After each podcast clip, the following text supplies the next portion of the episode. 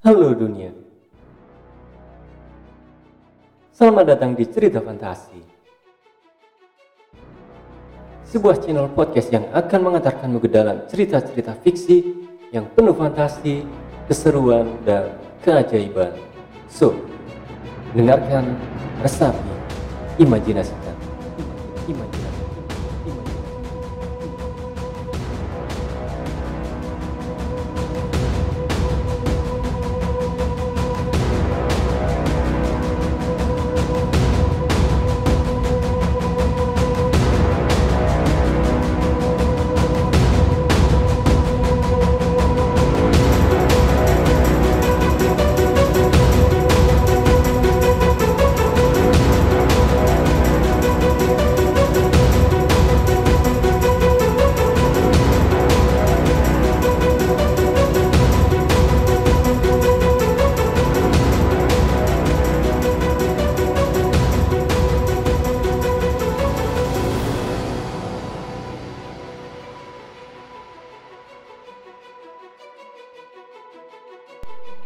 Oke guys, pada episode pertama ini ada sebuah cerita karangan dari Abadi Farel yang berjudul Cahaya Kehidupan. So, let's check this story.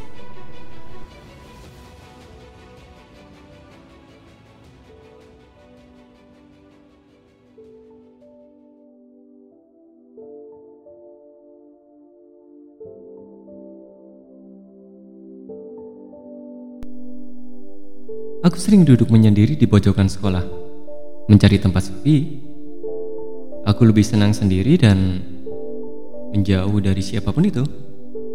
Ya, setelah kejadian waktu itu, aku lebih sering menyendiri dan bahkan banyak orang yang mengucilkan diriku. Menjauhi diriku karena mereka menganggap aku aneh dan pembawa kematian menurut mereka. Dua bulan yang lalu aku mengalami kecelakaan sekeluarga dan menyebabkan kedua orang tuaku meninggal. Dan untunglah saat itu aku hanya mengalami beberapa luka yang lumayan parah, namun masih bisa diselamatkan dan koma selama sebulan lebih. Ya, aku tertidur dan tidak sadarkan diri selama sebulan lebih kata orang. Ada hal lain yang lebih menakutkan setelah aku sadar dari koma, selain mendengar kabar kedua orang tuaku telah meninggal. Ada sesuatu yang berbeda pada diriku. Aku kini bisa melihat sebuah cahaya kehidupan setiap orang. Ada cahaya tersendiri di setiap kepala manusia yang aku bisa lihat. Jika cahaya tersebut terang, berarti orang tersebut masih akan tetap hidup hingga cahaya tersebut meredup dan kemudian padam. Sudah tentu, jika cahaya orang tersebut padam, maka ia sudah tidak bernyawa lagi. Pertama, aku menerima keanehan ini. Aku belum bisa sepenuhnya menerima. Seperti saat awal aku masuk sekolah kembali, aku melihat cahaya kehidupan wali kelasku sudah sangat redup dan akan padam Aku langsung bilang kepada teman-temanku waktu itu, jika kita akan kehilangan wali kelas kita karena dia akan segera meninggal.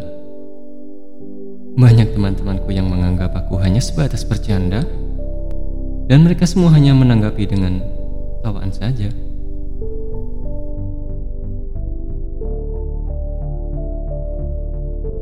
Aku bukan tidak pernah menjaga mereka yang cahaya kehidupannya mulai redup, sudah sering memperingatkan mereka semua yang saat itu cahaya kehidupannya mulai redup. Namun, aku tidak bisa melawan takdir yang sudah dibuat. Saat itu, sahabat terbaikku, cahaya kehidupannya sudah hampir padam dan aku panik setengah mati melihatnya. Aku memperingatkan agar dia lebih hati-hati karena ada bahaya yang sedang mengancam dia saat ini. Selama dua hari aku menemani dia di kamar dan tidak sekolah karena aku khawatir cahaya kehidupan dia yang sudah sangat redup. Selama dua hari lebih itu pula lah, cahaya redup itu bertahan. Namun, tiba-tiba cahaya kehidupan tersebut padam ketika hari ketiga, tiba-tiba ia terjatuh dari lantai 10 kamar apartemen dia. Aku tidak tahu saat itu kenapa ia bisa terjatuh. Ya, mungkin karena takdir. Takdir sudah mengharuskan ia harus segera meninggal karena cahaya kehidupan dia sudah sangat redup.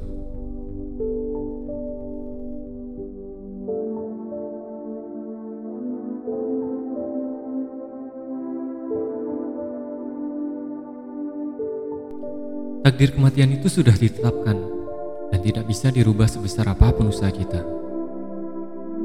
Dan aku terkadang tidak bisa menerima kelebihan yang aku miliki ini. Jika boleh, aku tidak ingin bisa melihat cahaya kehidupan manusia. Aku tidak ingin tahu kapan hidup mati seseorang. Aku ingin kembali normal lagi seperti dulu dan menjalani semuanya seperti biasa.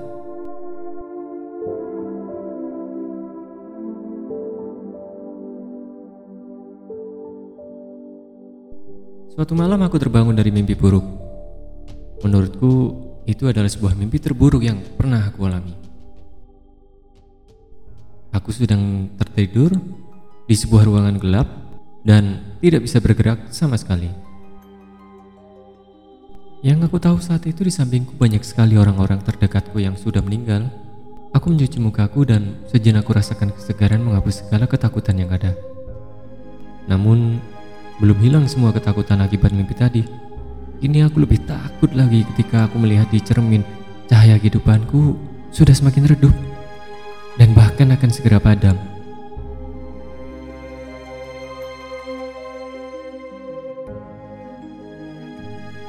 Aku benar-benar tidak sadar karena aku tidak melihat cermin seharian ini. Aku panik dan takut sekali waktu itu ketika harus menerima kenyataan bahwa aku akan segera meninggal. Aku tak kuasa menahan air mata yang keluar dari kedua mataku ini. Aku tidak bisa membayangkan di usiaku yang muda ini, aku harus segera meninggalkan kehidupan. Aku bahkan tidak bisa mewujudkan impian-impian kecilku seperti lulus sekolah, kuliah, bekerja, menikah, dan punya anak. Semua impian itu kini harus lenyap gara-gara cahaya kehidupan ini.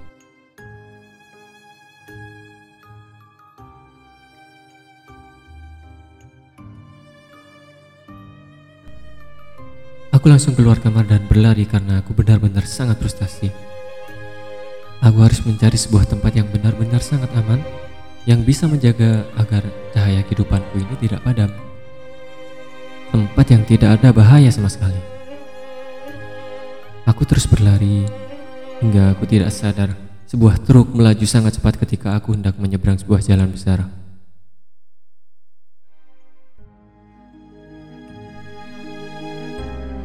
Kira aku sudah tewas saat itu, karena jarak aku dan truk itu sudah sangat dekat, dan pasti aku sudah tertabrak oleh truk tersebut. Namun, aku masih hidup, dan aku terus berlari menjauhi segala macam marah bahaya. Jalanan tidak baik untukku saat ini. Terlalu banyak bahaya yang mengintai cahaya kehidupanku yang semakin redup. Aku terus berlari dan berlari hingga sampai di sebuah rumah kosong. Rumah kosong tempat tinggalku dulu bersama orang tuaku karena usai kecelakaan itu aku tinggal bersama nenek dan rumahku yang dulu sengaja dikosongkan dan tidak diurus.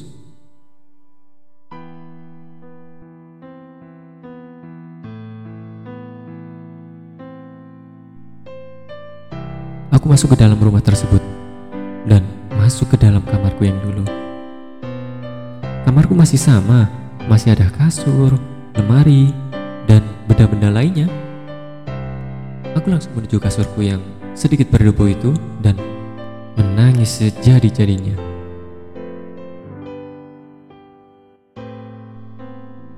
Berteriak, mengapa semua ini bisa begini? Dan kemudian mengamuk mengacak-ngacak isi kamarku hingga aku akhirnya lelah dan tertidur di lantai kamarku.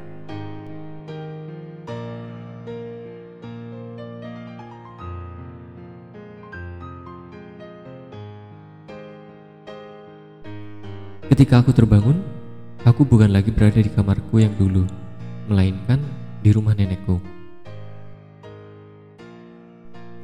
Aneh sekali rasanya. Masih pagi begini, namun terdengar seperti banyak suara orang-orang. Terdengar juga banyak tangisan yang semakin membuatku penasaran. Aku kaget begitu pergi ke ruang tamu, ternyata banyak keluarga dan teman-temanku di situ. Mereka sedang menangis sambil bergantian memeluk seorang jenazah. Aku semakin bingung.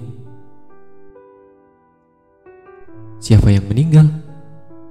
Dan mengapa aku tidak dibangunkan dan diberitahu jika ada orang yang meninggal?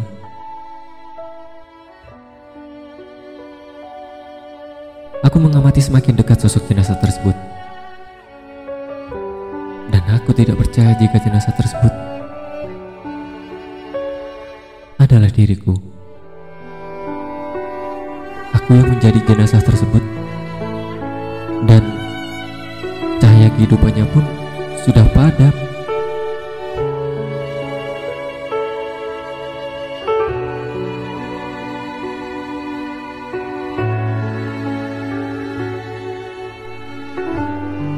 Aku terpaku melihat nenekku menangis sambil memeluk erat jenazah diriku. Beberapa orang ada yang berbisik menjelaskan jika semalam aku tertabrak sebuah truk di jalan dan langsung meninggal di tempat.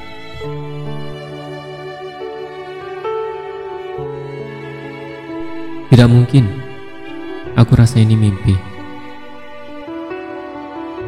Tidak. Aku sudah meninggal.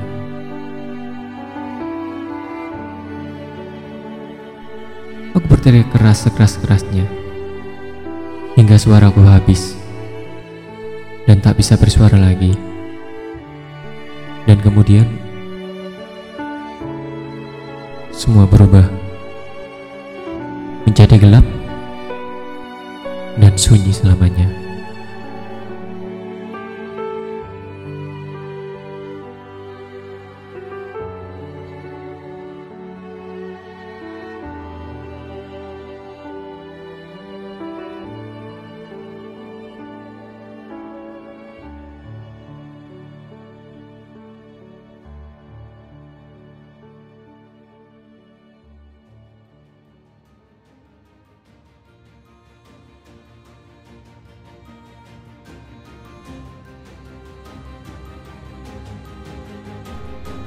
Thank you so much guys. Terima kasih telah meluangkan waktumu di podcast Cerita Fantasi.